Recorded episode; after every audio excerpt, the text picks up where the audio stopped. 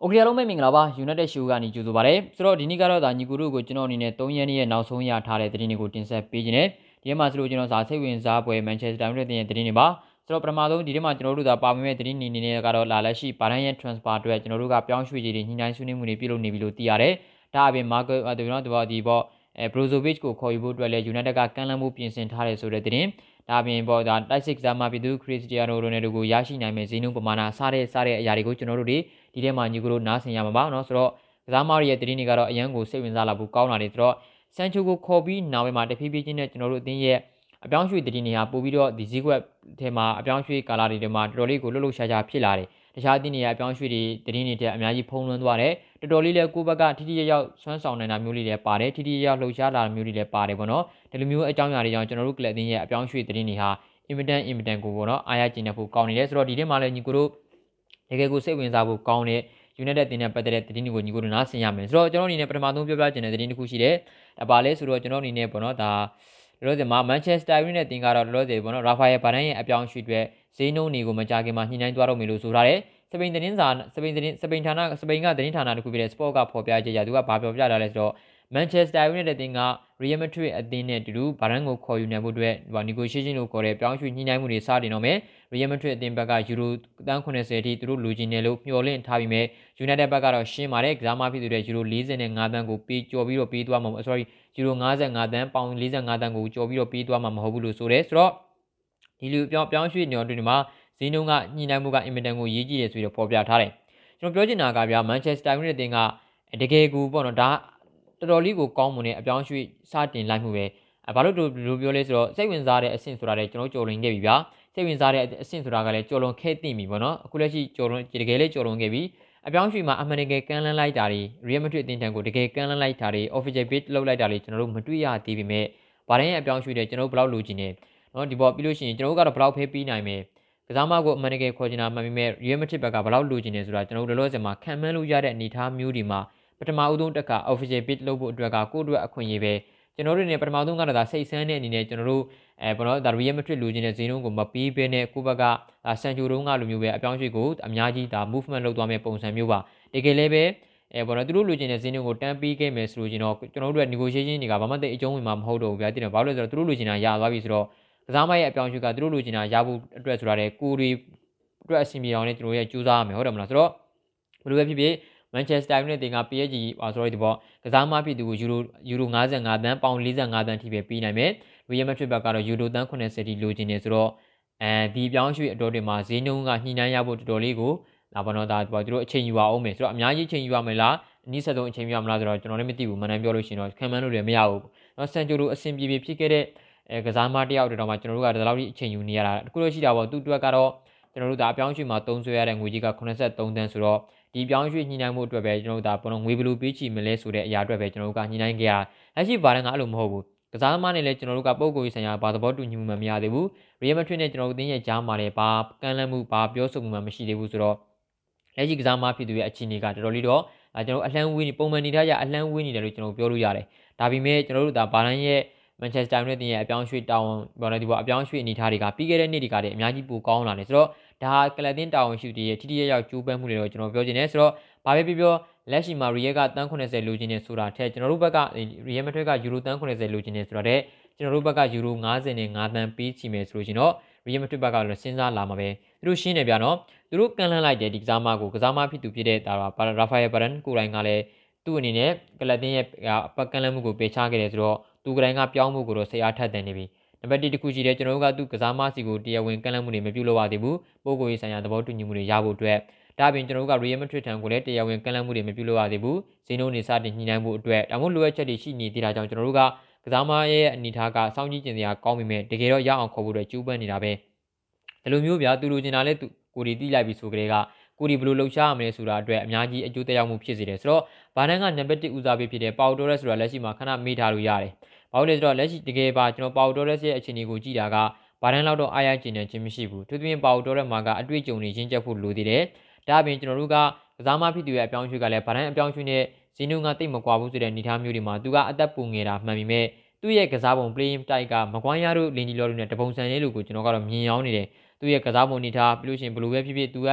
အဲဘောနော်သူလောလောဆယ်စပိန်သင်းမှာကစားခဲ့များပွဲတွေဘီလာရီယယ်မှာသူကစားခဲ့တဲ့ပွဲစဉ်တွေရဲ့အနေထားအရသူ့ရဲ့ play တိုက်က မကွိုင်းယာနဲ့ကျွန်တော်တို့ဒါဗီတာလီနီတော့နဲ့တူတူပဲဆိုတော့ဒီပေါတိုရက်စ်ကိုကျွန်တော်တို့ခေါ်တင်တယ်လို့တော့မထင်ဘူးเนาะအကယ်ပေါတိုရက်စ်ကိုခေါ်မေးစားပြလက်ရှိတော့ဗီတာလီနီတော့ကိုပဲဆက်သုံးမှာပေါ့တေချာတာကတော့ပေါတိုရက်စ်ကလီနီတော့ထက်အများကြီးအများကြီးကောင်းမွန်တဲ့ကစားမှာဒါကျွန်တော်တို့ကညင်းလို့မရဘူးဒါပေမဲ့ပြောချင်တာက play တိုက်တူမယ်ဆိုမှတော့ကျွန်တော်တို့ဘာလို့အောင်သွားခေါ်တော့မှာတော့ဟုတ်တယ်မလားဆိုတော့ခေါ်မဲ့ခေါ်ကျွန်တော်တို့က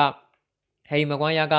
အငင်ကစားတဲ့ကစားမဆိုတွေကတော့ကျွန်တော်တို့ခေါ်ရမှာဒီဒါအဲဒေးပိုင်းလိုမျိုး type ရှိတဲ့ဒါဟို destroyer ပဲဆိုတော့ရာဖိုင်ဘန်ကတော်တော်လေးကိုကောင်းတယ် Real Madrid မှာတော့တော့ Ramos ကတက်ဖြတ်တာများတယ်ဒါပေမဲ့ရာဖိုင်ဘန်ကလည်းတက်ဖြတ်တယ်သူတို့နှစ်ယောက်ကတယောက်တက်ဖြတ်လို့ချင်းနောက်တစ်ယောက်ကအထိုင်မှာကျန်ခဲ့တယ်ဆိုတော့သူ့ရဲ့ဒီဘောနော် switching position play တွေကလည်းတော်တော်လေးကိုကောင်းနေဆိုတော့ပြင်သစ်တင်းရဲ့ဝင်းတွေကိုကြည့်တဲ့အခါမှာလေဗျာဘာဒန်ရဲ့အမြင်ပေါ်ရှင်းထုံးနိုင်မှုကျွန်တော်တို့တင်းရဲ့အဓိကအားနေကြတော့အမြင်ပေါ်ရှင်းထုံးနိုင်မှုတွေဒါအပြင်တွတ်တွတ်လွတ်လွတ်နဲ့အမှန်တကယ်ကစားနိုင်မှုတွေကကလပ်တစ်မှာလိုအပ်နေတဲ့အကြောင်းအရာတွေပဲဒါအပြင်မကွမ်းရနဲ့တွေ့ဖက်တဲ့အခါမှာဆိုလို့ရှိရင်လည်းဒီကစားမစီကနေဒီလိုမျိုး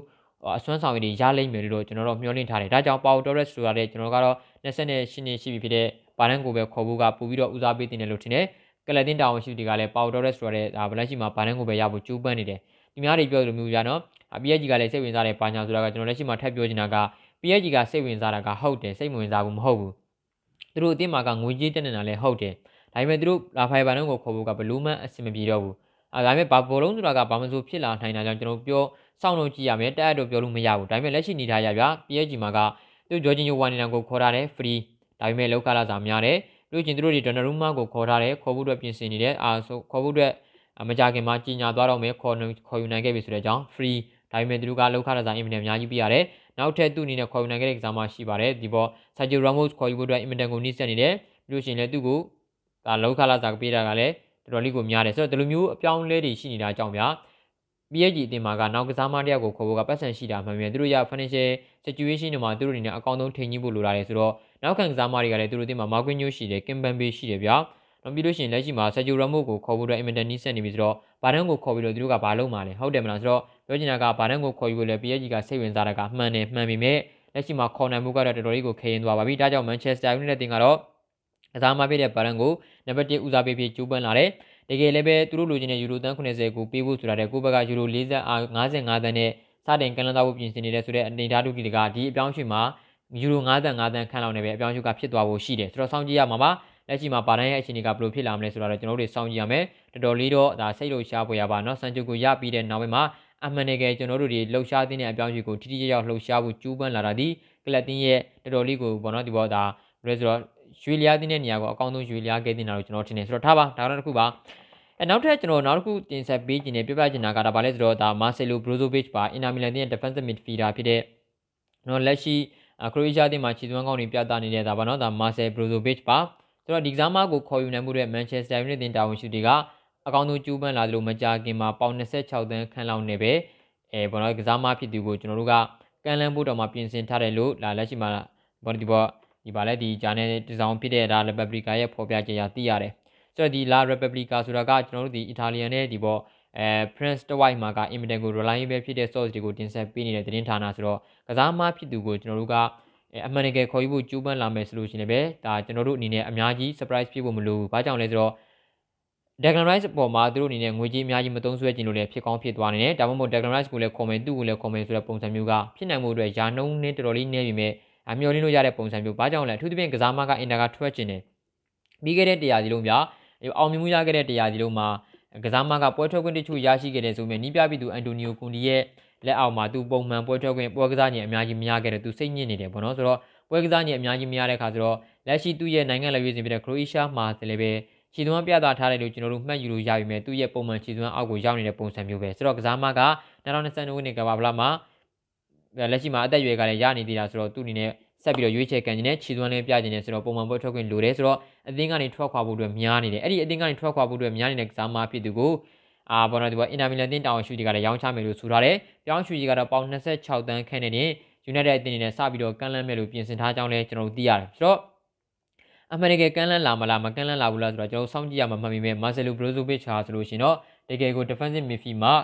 ဒါ Scott McTominay နဲ့ Fred တော့အများကြီးပို့ပြီးတော့အားကိုးရမယ့်ကစားမတွေတော့ကျွန်တော်ပြောလို့ရတယ် Declan Rice နဲ့တွားပြီးတော့ရှင်လို့ရလားဆိုတော့ကျွန်တော်အနေနဲ့ပြောရမယ်ဆိုလို့ကျွန်တော်အတွေ့အကြုံရ Declan Rice ကဒီကစားမဖြစ်သူကိုဘယ်လိုနည်းနဲ့မှရှင်လို့မရဘူးဒါပေမဲ့လုံအားနှုံတူအားနှုံနဲ့ stress တိရဆိုလို့ကျွန်တော် Declan Rice မှာကပို့ပြီးတော့တောင်းတင်းခိုင်မာတာကျွန်တော်အားလုံးတွေ့ခဲ့ပြီးသားပဲပရီးမီးယားလိမှာထူးသဖြင့်ဆိုတော့ကစားနေတယ်ဆိုတော့ဗျာကျွန်တော် Manchester United ဒီမှာကစားတဲ့အခါမှာပရီးမီးယားလိမှာအံဝင်ခွင့်ကြမဖြစ်မှာ Rice တွေကျွန်တော်တို့မစိုးရင်ရဘူးဒါပေမဲ့ Marcelo Marcelo Brozovic မှာဆိုလို့ရှိရင်တော့ကျွန်တော်တို့တကယ်ရောအဲ့ဒီအတိုင်းကျွန်တော်မျှော်လင့်တဲ့ခြေစွမ်းကိုပြသနိုင်မလားဆိုတာလည်းစောင့်ကြည့်ရမယ်လောလောဆယ်မှာဆိုလို့ရှိရင်တော့စိတ်လှုပ်ရှားစရာကောင်းတာတစ်ခုကဘာလဲဆိုတော့ ပေါင်26တန်းခန့်နဲ့နေကမ်းလှမ်းနိုင်မှာဖြစ်တာကြောင့် Manchester United ရဲ့တာဝန်ရှိသူတွေကဒီ Marcelo Brozovic ကိုခေါ်ယူဖို့အမှန်တကယ်ကြိုးပမ်းလာပွဲရှိတယ်။တကယ်လည်းတရားဝင်ကမ်းလှမ်းသွားဖို့ရှိတယ်ဆိုပြီးတော့ဒီ La Repubblica ရဲ့ဖော်ပြချက်အရကျွန်တော်သိရတယ်ဆိုတော့ကွင်းလင်မှာကကျွန်တော်တို့ရဲ့ target တွေတော်တော်များတယ်။နော်လောလောဆယ်မှာကျွန်တော်တို့ရဲ့ဒီ number 1ဦးစားပေး defensive midfielder ဒီ Declan Rice ပြီးလို့ရှိရင်ကျွန်တော်တို့ဒါပေါ့နော် Eduardo Camavinga လက်ရှိပါဆိုလို့ကျွန်တော် Marcelo Brozovic နဲ့ Leon Goretzka ဆိုလိုမျိုးကစားမတွေရှိတယ်။ဆိုတော့သူတို့လူမျိုး ကျွန်တော်တို့ကစားမတွေကအနည်းဆုံးတော့ဒါကျွန်တော်တို့တွေနဲ့တယောက်ပဲခေါ်နိုင်လိမ့်မယ်။တယောက်ခေါ်နိုင်ဖို့တော့မှကျွန်တော်တို့က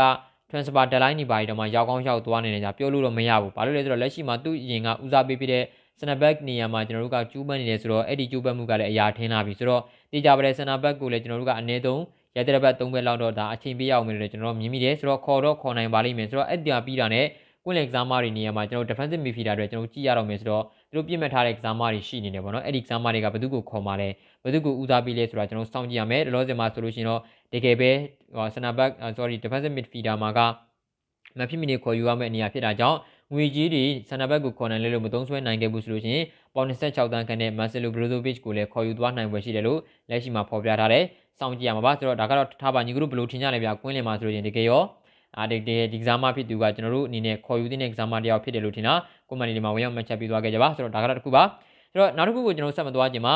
အာဘာ The United Show ကိုကြည့်ကြည့်အားပေးလို့ကျေးဇူးတင်ပါတယ်ဆိုတော့ညီကတို့အနေနဲ့ဒါ YouTube မှာကြည့်နေတယ်ဆိုလို့ရှိရင်လည်း Subscribe မလုပ်ရသေးလို့ရှိရင်ဒါ Subscribe လုပ်သားပြီးကိုတောင်းဆိုပါတယ်ကျွန်တော်တို့အနေနဲ့ဒါ YouTube community မှာဆိုလို့ရှိရင်လည်း subscriber 2000နီးပါးကိုရောက်နေပြီ2000လည်းပြီးတော့မယ်ဆိုတော့ကျွန်တော်တို့ဒီက2000ပြည့်အောင်လုပ်လိုက်ကြအောင်များနော်ဆိုတော့အကယ်၍ညီကိုက Facebook မှာကြည့်နေတယ်ဆိုလို့ရှိရင်တော့လာ like and follow လေးလုပ်သွားပြီးကိုတောင်းဆိုပါတယ်အဲ Facebook မှာလည်းပေါ့နော်ဒါတသိန်း K နဲ့နီးနေပြီပေါ့နော် 100 K နဲ့နီးနေပြီဆိုတဲ့အခါကျတော့ follower ကိုလည်းကျွန်တော်တို့အနေနဲ့ပို့ပို့ပြီးတော့များလာအောင်အကယ်၍အဆင်ပြေမယ်ဆိုလို့ရှိရင် follow လေးလုပ်သွားပြီးတော့တောင်းဆိုပါတယ်ဆိုတော့ထားပါ အဲနောက်တစ်ခုကျွန်တော်တို့အနေနဲ့ဆက်လက်ကြည့်ရမယ်ဆိုလို့ရှိရင်တော့ Real Madrid ဟာ Rafael Varane အတွက်လူချင်းနေဆိုလို့ကျွန်တော်သူတို့ကလည်းပေါ့ပါနေပေါ့နော် swap လုပ်ချင်နေပေါ့နော်ဒါဒါကတော့ expert ရဲ့ဖော်ပြချက်အရသိရတယ် Real Madrid ကပြီးခဲ့တဲ့နေ့ကဂျူဗင်တဲကသူတို့ကျူးပန်းခဲ့တယ်လို့ပဲလက်ရှိမှာလည်း Real ကကျူးပန်းလာတယ်ပေါ့ပါကိုလူချင်းနေဘာတန်းကိုလည်းလက်လောက်မယ်ဆိုတော့ဒီကစားမနှစ်ယောက်ကိုအလဲထက်ပြုလုပ်ဖို့အတွက်တရင်တွေထွက်လာတယ်လို့လက်ရှိမှာသိရတယ်ဆိုတော့ပြောချင်တာကဗျာဂျူဗင်တဲအသင်းကလည်းဒီပုံစံတိုင်းကြိုးစားခဲ့တယ်ကျွန်တော်အားလုံးလည်းသိတယ် ဒါပေမဲ့လက်ရှိမှာ Real Madrid ကလည်းဒီလိုမျိုးကြိုးစားခဲ့တယ်သူတို့ပေါ့ပါကိုလူချင်တာကမှန်တယ်ဒါပေမဲ့ခက်တာက Real Madrid မှာပေါ့ပါတဲ့ပေါင်သန်း90မပြောနေလောလောဆယ်မှာဘယ်သူမှတောင်မှသူမခေါ်နိုင်ဘူးဆိုတဲ့အနေအထားမျိုးတွေမှာ Real Madrid ကကစားမချင်းအလဲထက်ပြုလို့ကိုပဲသူတို့ကကျူးပန်းလာတာဆိုတော့ပေါ့ပါကလည်းစာချုပ်ကတတန်းပဲတတန်းကတနှစ်တနှစ်ပဲကြံရှိတော့တယ်။အဖိုင်ဘာတန်းကလည်းစာချုပ်တတန်းကတနှစ်ပဲကြံရှိတော့တယ်။ကစားမပြီးသူနှစ်ယောက်စလုံးက28နှစ်ရှိနေပြီဆိုတော့ဒီကစားမနှစ်ယောက်ကိုဒါဒက်တဲချင်းလဲမလားဆိုတဲ့ပုံစံမျိုးမေးလာတာကျွန်တော်အနေနဲ့ပြောရလဲကျွန်တော် ဦးဒီကနာဆူဂျာကအသလောက်ဒီမာယူရဲ့ဆန်လိမ့်မယ်လို့ကျွန်တော်မမြင်မိဘူးတာဝန်ရှိသူတွေကလည်းဒီဟာကိုလက်ခံလိမ့်မယ်လို့ကျွန်တော်တော့မထင်မိဘူးပေါ့နော်ရီမက်ထရစ်ဘက်ကတရားဝင်ကန့်လန့်တာမျိုးတွေပါလိမရှိသေးဘူးဆိုရင်တကယ်တော့သူတို့ကဒီပြောင်းရွှေ့မှာဒီလိုမျိုးလုပ်ရမယ်ဆိုလို့ကျွန်တော်သူတို့တက်ပိုနှစ်သက်တာပေါ့ဘာလို့လဲဆိုတော့ပေါ်ပါလို့ကစားမမျိုးကိုပြကျွန်တော်တို့ကအာဘော်လီဘောခေါ်ယူဖို့အတွက်ခဲရင်းနဲ့ရာဖိုင်ဘာလန်တို့ကစားမမျိုးကငွေပေးရတယ်ဆိုတဲ့ပုံစံမျိုးဒီမှာရီမက်ထရစ်တာဝန်ရှိသူတွေကလည်းပေါ်ပါအတွက်အပြောင်းရွှေ့မှာငွေကြီးမလုံတော့တော့ကစားမဖြစ်သူနဲ့သူတို့ကအာဘော်နော်သူက အချင်းချင်းလဲကျင်လာတယ်သူပြင်နောက်တန်းမှာဆိုလို့ကျွန်တော်တို့ဒေးဗစ်လာဘာကိုအားဖြည့်ပြီးပြီဆိုတော့ရာဖိုင်ဘာတန်ကိုလည်းလက်လွတ်မယ်ဆိုလို့ကျွန်တော်တို့တို့အများကြီးထိခိုက်မှာမဟုတ်တော့ဘူးဆိုတဲ့ပုံစံမျိုးပဲဆိုတော့ဒီလိုမျိုးပေါ့နော်ဒီ Real Madrid ကပေါ့ပါနဲ့တန်တန်တိုးကျင်လာတဲ့အာပေါ့နော်ဒီဘာတန်ကိုဒါအချင်းချင်းလဲကျင်လာတယ်ဆိုတော့အိုလီဂနာဆိုကြကတော့ခွင့်ပြုလိုက်မယ်လို့တော့ကျွန်တော်မထင်ဘူးအတင်းရတာဝန်ရှိတွေကလည်းပေါ့ပါဘလောက်ထိတန်တိုးဖို့အတွက် sorry ဒီပေါ့ပါလို့ကစားမမျိုးကိုရဖို့ဘလောက်ထိခရင်လဲဆိုတာကိုကျွန်တော်တို့ဒါတတိထားမိလိုက်မယ်လို့ကျွန်တော်တို့ထင်တယ်အဲတော့လောဆယ်မှာဆိုလို့ရှိရင်တော့ကျွန်တော်အနေနဲ့တော့ United တင်ဘက်ကဒီပြောင်းချီကိုတိတ်တော့စိတ်မဝင်စားတဲ့ပုံစံမျိုးပဲ ဘာမှ United နဲ့ပတ်သက်တဲ့ဒါသတင်း source တွေ reliable ဖြစ်တဲ့ source တွေမှာဘာမှမတွေ့ရဘူးအမေမသိစပိန်တို့ပြီးလို့ချင်းဒါလက်ရှိမှာဆိုလို့ချင်း expert တို့ကတော့ Real Madrid ကပေါ်ပါနဲ့ဗရန်ကိုလဲကျင်ကြောင်းတင်းနေမှာထွက်ပေါ်ထားတယ်ထင်ပါတယ်ကျွန်တော်အနေနဲ့ဒါကတော့သူက press ကစားတာပေါ့ဗျာနော်ဘာပဲဖြစ်ဖြစ်ကျွန်တော်တို့အသင်းကတော့ဒီပြောင်းရွှေ့ကိုလက်ခံတော့ဖို့မရှိသလိုစဉ်းစားတော့ဖို့လည်းမရှိတဲ့ပုံစံမျိုးပါဒါကတော့ပေါ်ပါပါထားပါအဲနောက်ထပ်ကျွန်တော်ဆက်လက်ကြည့်ရမယ်ဆက်လက်ကြည့်ရမယ်ဆိုလို့ကျွန်တော် The Mirror ရဲ့ရေးသားချက်ရပါ Mirror ဆိုတာကတော့ညီကိုတို့အားလုံးလည်းသိတဲ့အတိုင်းပဲဗျာ အာဘောကျွန်တော်တို့ဒီဘော80ရာခိုင်နှုန်းလောက် sorry ဒီဘော90 60လောက်တော့မှ relying ပဲမဖြစ်ဘူးလို့ကျွန်တော်တို့ဒီပြောလို့ရတယ်မေတာဆိုတာကဗျာဒီဘောတတိနေကလည်းသူတို့ကအများစီကပဲယူပြီးတော့ပြန်ပြီးတော့တင်တဲ့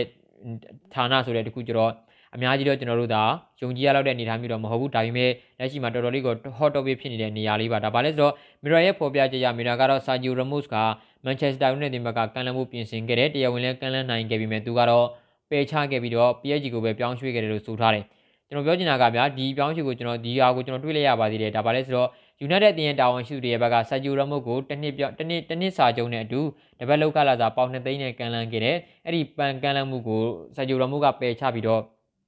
PSG ကိုရွေးချယ်ခဲ့တာလို့ကျွန်တော်လက်ရှိသတင်းတွေမှာတွေ့ရတယ်ဒါဟာအမှန်တကယ်ပဲလားဒါမှမဟုတ်ဖြစ်ဖြစ်ဖြစ်ကောဖြစ်နိုင်ရဲ့လားဆိုတာကကျွန်တော်လည်းပဲအမှန်တကယ်ပြောလို့ရှိရင်တော့မသိဘူးအဲ့ဒီသတင်းကအများကြီးပေါက်ကြားခဲ့ခြင်းမရှိဘူးဗျာလက်ရှိရောင်မှုက သူ PSG နဲ့နည်းနည်းလေးနီးစပ်နေပြီပေါ့နော်အများကြီးနီးစပ်နေပြီဆိုတဲ့အချိန်ကြမှာဒါလောလောဆယ်ကျွန်တော်တို့ဒါသတင်းတွေမှာတွေ့နေရတာဆိုတော့အကယ်၍အဲ့လိုမျိုးအမှန်တကယ်ပြုလုပ်ခဲ့တယ်ဆိုလို့ကျွန်တော်တနစ်စာချုပ်တနစ်စာချုပ်နဲ့ကျွန်တော်တို့ကဘာကြောင့်မြန်ကန်လန်းခဲ့ပါလိမ့်ဟုတ်တယ်မလားတနစ်စာချုပ်ဘာလို့မှလဲသူက34နှစ်မကတော့35နှစ်5နှစ်ပဲဖြစ်နေတယ်စာဂျူရာမို့စ်ကိုကျွန်တော်တို့ကတနစ်စာချုပ်နဲ့ကန်လန်းနေဆိုကြတဲ့ကဟုတ်တော့မဟုတ်တော့ဘူးတနစ်စာချုပ်ဆိုမှတော့ဗျာရာမို့စ်ကိုတိုင်ကလည်းအမှန်တကယ်သာယူနိုက်တက်ဘက်ကအဲ့လိုကျူးပန်းလာခဲ့တယ်ဆိုလို့ရှိရင်သူ အာဘယ်လိုလဲဆိုတော့ Real Madrid မှာပဲဆက်နေမှာပေါ့ဟုတ်တယ်မလားအဲ့ဒီတနစ်တက်တန်တူဘူးအတွက်အဆင်မပြေခဲ့လို့တော့မှ Real ကနေထွက်လာခဲ့ရပါတယ်ဆိုမှကျွန်တော်တို့ Manchester United မျိုးကတနစ်တက်တန်နဲ့သွားကန်လာတာဟိုကဘယ်ယူမလဲပြီးလို့ချင်းတပတ်လောက်ကလာစားကလည်းပေါင်2သိန်းဆိုတော့ဘလောက်တောင်မှပေါင်တော့ဒီပေါ်အကေဒီကန်လမှုသာအမှန်တကယ်ဖြစ်ခဲ့တယ်ဆိုလို့ချင်းတော့ကိုကလတင်ဘက်ကဘလောက်တောင်မှအပြောင်းရွှေ့လုပ်ရက်တွေမှာဒီပေါ်နော်အဆင်မပြေဖြစ်လေဆိုတာကျွန်တော်တို့တွေးကြည့်လို့ရတယ်နော်ရာမိုစ်ရာမို့စ်လိုကစားမမျိုးကသုံးလို့မရဘူးဆိုလို့ချင်း2023ခုနှစ်လောက်ဒီကောင်းကောင်းသုံးလို့ရတဲ့ကစားမ တော်တော်လေးတန်မာတည်တဲ့နောက်ခံကစားမတယောက်မှရှိတဲ့ရည်သွေးအသင်းကောင်းတော်တယောက်မှရှိတဲ့ရည်သွေးတွေကိုကျွန်တော်တွေ့မြင်ထားစေရစေဆိုတော့လက်ရှိစာဂျူရောမှုလိုကစားမမျိုးကိုတစ်နှစ်တက်တဲ့နဲ့တပတ်လောက်ကလာစာပေါင်နေသိန်းဆိုတာကတကယ်ကိုမသိတော့တယ်လို့ရပဲဒါကြောင့်သူတို့ကအဲ့ဒီအနေထားကိုပယ်ချခဲ့ပြီးတော့အာ PSG ကိုပြောင်းရွှေ့ဖို့အတွက်ရွေးချယ်ခဲ့တာဖြစ်တယ်ဆိုပြီးတော့လက်ရှိမှာတမင်တော်ကတော့ရေးထားတယ်ဆိုတော့ဘာပဲပြောပြောပါလောစမှာယုံကြည်ရလောက်တဲ့ source တွေကဒီသတင်းကိုဖော်ပြခြင်းမရှိသေးတာကြောင့်ကျွန်တော်အနေနဲ့တော့မေရာဆိုတာလည်းမေရာဆိုတာကလည်းအရင်ကြီး run line ပဲမဖြစ်တာကြောင့်ကျွန်တော်ကတော့တိတ်တော့ ဟုတ်တယ်လို့တော့မထင်ဘူးဒါပေမဲ့ကျွန်တော်စောင့်ကြည့်ရမှာပါနောက်ရက်တွေမှာဘယ်လိုသတင်းတွေထွက်လာမလဲဆိုတာကပါတော့เนาะဆိုတော့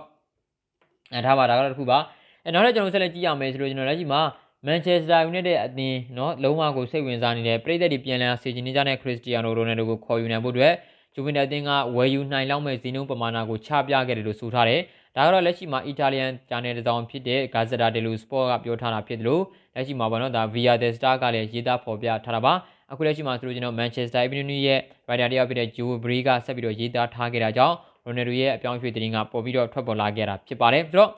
ပြောချင်တာကလက်ရှိမှာယူဗီနက်ကဗာပြောထားလဲဆိုတော့သူတို့ရိုနယ်ဒိုကိုလက်လွတ်ချင်တယ်ဘာကြောင့်လဲလာစာအများကြီးပြီးထားလို့ဆိုတော့လက်လွတ်ချင်တာကဟုတ်ပြီသူ့ကိုခေါ်ယူမဲ့အကလပ်တင်းတစ်ခုအနေနဲ့ဘယ်လောက်တော့ဒီဒါတုံးဆွဲရနိုင်လဲဆိုတော့ကျွန်တော်တို့အမှသိကျင်ကြမှာပဲဗျာဆိုတော့သိရမလားဆိုတော့လောလောဆယ်မှာဂါဇာဒါတယ်လီစပေါ့ကတော့ရေးထားတယ်ယူဗီနက်တင်းကဒီနွေပြောင်းရွှေ့မှာသူ့ကိုခေါ်ခြင်းနဲ့ဘယ်အသင်းကိုမဆို ပေါင်25တန်းခန့်ရယူနေတယ်အပြောင်းရွှေ့ကဖြစ်မြောက်နိုင်ဖို့အတွက်လမ်းကောင်းသွားပါပြီလို့ဆိုထားတယ်ပြောချင်တာက25တန်းပေးရင်ရောင်းမယ်ဆိုတဲ့သဘောမျိုးပဲဆိုတော့25တန်းဟိတ်25တန်းဟိတ်25တန်းဟိတ်ဆိုပြီးတော့ကျွန်တော်တို့ကကစားမဖြစ်သူကိုခေါ်ယူဖို့အတွက်တတိနေထွက်ကောင်းထွက်လာခဲ့ပြီးမြဲနော်ထွက်ကောင်းထွက်လာနိုင်ပြီးမြဲကစားမဖြစ်သူရဲ့လောက်ခလာစာကိုလည်းကျွန်တော်တို့တစ်ချက်ကြည့်ရမယ်ရိုနယ်ဒိုကလက်ရှိမှာဒုတိယမြောက်ဘောလုံးကစားမတွေကမှဒုတိယမြောက်လောက်ခလာစာအမြင့်မားဆုံးကစားမတူဖြစ်တဲ့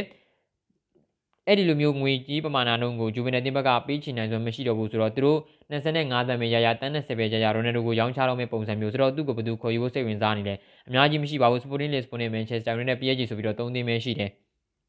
25တန်းခန့်ပဲဆိုတဲ့အခါကျတော့လေဘယ်အသင်းကသာ West Ham တို့ Norway တို့လို City Norway City လိုမျိုးအသင်းမျိုးတွေကတော့မှခေါ်နိုင်မဲ့အနေထားပဲဒါပေမဲ့ပြဿနာကသူ့ရဲ့လောအားကလာစားပေါ့နော်ဘယ်လောက်ထိပေးနိုင်မှာလဲသူကရဘယ်လောက်ထိ short ယူပြီးပါအသင်းပြောင်းမှာလဲဒါတွေကမေးခွန်းထုတ်စရာဖြစ်လာတယ်နော်အဲ့လိုစမှာပေါ့နော်နောက်တစ်ထပ်ကြည့်ရရင် ကျူဝင်တက်ကဒီကစားမဖြစ်သူကို25တန်းနဲ့လက်လွတ်ခဲ့တာကဟုတ်ပါပြီဒါပေမဲ့သူတို့ကဒီလိုမျိုး25တန်းနဲ့လက်လွတ်ခဲ့တယ်ဆိုလို့ချင်း25တန်းပဲသူတို့တွေပြန်ရလို့မဟုတ်ဘူးရိုနယ်ဒိုကိုလက်လွတ်ခဲ့ရပြီဆိုတာနဲ့ရိုနယ်ဒိုကိုပြီးရမယ့်လောက်ခလာစာဖြစ်တဲ့ပေါင်85တန်းခန့်ဒီသူတို့တွေကတက်တာသွားမယ်85တန်းဆိုတာဟာကျွန်တော်တို့ဂျေရန်ဆန်ဂျိုရဲ့အပြောင်းအရွှေ့တက်တော်မှာများပြားတဲ့ပမာဏပါနော်ဆိုတော့ကြန့်ရှိနေသေးတဲ့စာချုပ်တရန်စာချုပ်စာချုပ်တရန်အရာဆိုလို့ကျွန်တော်ရိုနယ်ဒိုကိုသူတို့အနေနဲ့ဂျူဗန်နယ်တင်းကပေါင်85တန်းခန့်ပေးချေရအောင်မယ်အဲ့ဒီပေးချေရမယ့်အနေထားကလည်းအကယ်၍ ရိုနယ်ဒိုကိုသာ25တန်းနဲ့လက်လွတ်ခဲ့ရမယ်ဆိုလို့ကျွန်တော်တို့က25တန်းလည်းရမယ်ကစားမအတွက်85တန်းကလည်းပြီးကြရမလို့ဘူးဆိုတော့ finisher ဘိုင်းဆိုင်ရာမှာအပြောင်းရွှေ့လို့ရမှာကစားမအလဲလက်ကစားမ3ဦးလောက်ထိအပြောင်းရွှေ့လုပ်လို့ရတဲ့အနေအထားဆိုတော့ဂျူဗင်နယ်တင်ကဒီကွင်ကိုသူတို့ကြိုက်တယ်တိတ်ကြိုက်တယ်နော်25တန်းလည်းရမယ်85တန်းကလည်းပြန်ပြီးတော့ recover ဖြစ်မယ်ဆိုတဲ့အနေအထားမျိုးတွေမှာရိုနယ်ဒိုကိုရောင်းချခြင်းတယ်။ Okay ဟုတ်ပြီဆိုတော့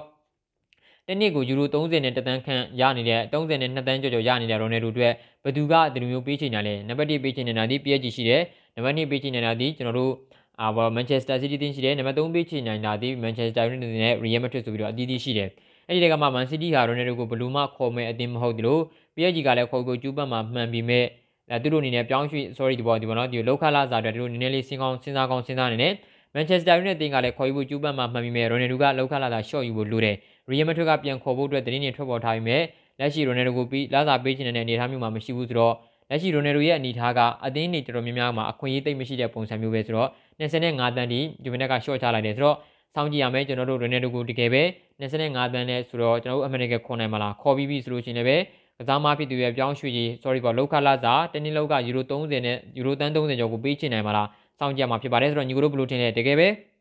ရိုနယ်ဒိုကိုကျွန်တော်တို့တွေခေါ်ယူတင်လားရိုနယ်ဒိုရဲ့လက်ရှိအနေအထားကရောပရီးမီးယားလိမှာဆိုလို့ရှိရင်တကယ်ကိုခြေစွမ်းပြသနိုင်လောက်သေးလား ညီကိုတို့အမြင်လေးကိုကွန်မန့်လေးမှာဝယ်မှတ်ချက်ပေးသွားခဲ့ကြပါဆိုတော့ကြီးကျူအားပေးခဲ့ကြလို့ညီကိုများအားလုံးကိုကျေးဇူးတင်ပါတယ်ဒါတွေကတော့ဒီနေ့မှာရခဲ့တဲ့ Manchester United နဲ့ပတ်သက်တဲ့သတင်းတွေကိုတင်ဆက်ပေးခဲ့တာပါဆိုတော့ကြီးကျူအားပေးခဲ့လို့ကျေးဇူးတင်ပါတယ်เนาะဒီနေ့စကားပြောတာကတော်တော်လေးကိုမြန်နေတယ်ဗျ sorry ပါကျွန်တော်အနေနဲ့ဘာလို့လဲဆိုတော့အချိန်ထိန်းတာထိန်းလို့မရဘူးတိလားเนาะဒီပေါ်စကလုံးထက်တာတွေပြီးလို့ချင်းဒီဒီဒီဒီဒီဒါမျိုးဖြစ်တာတွေ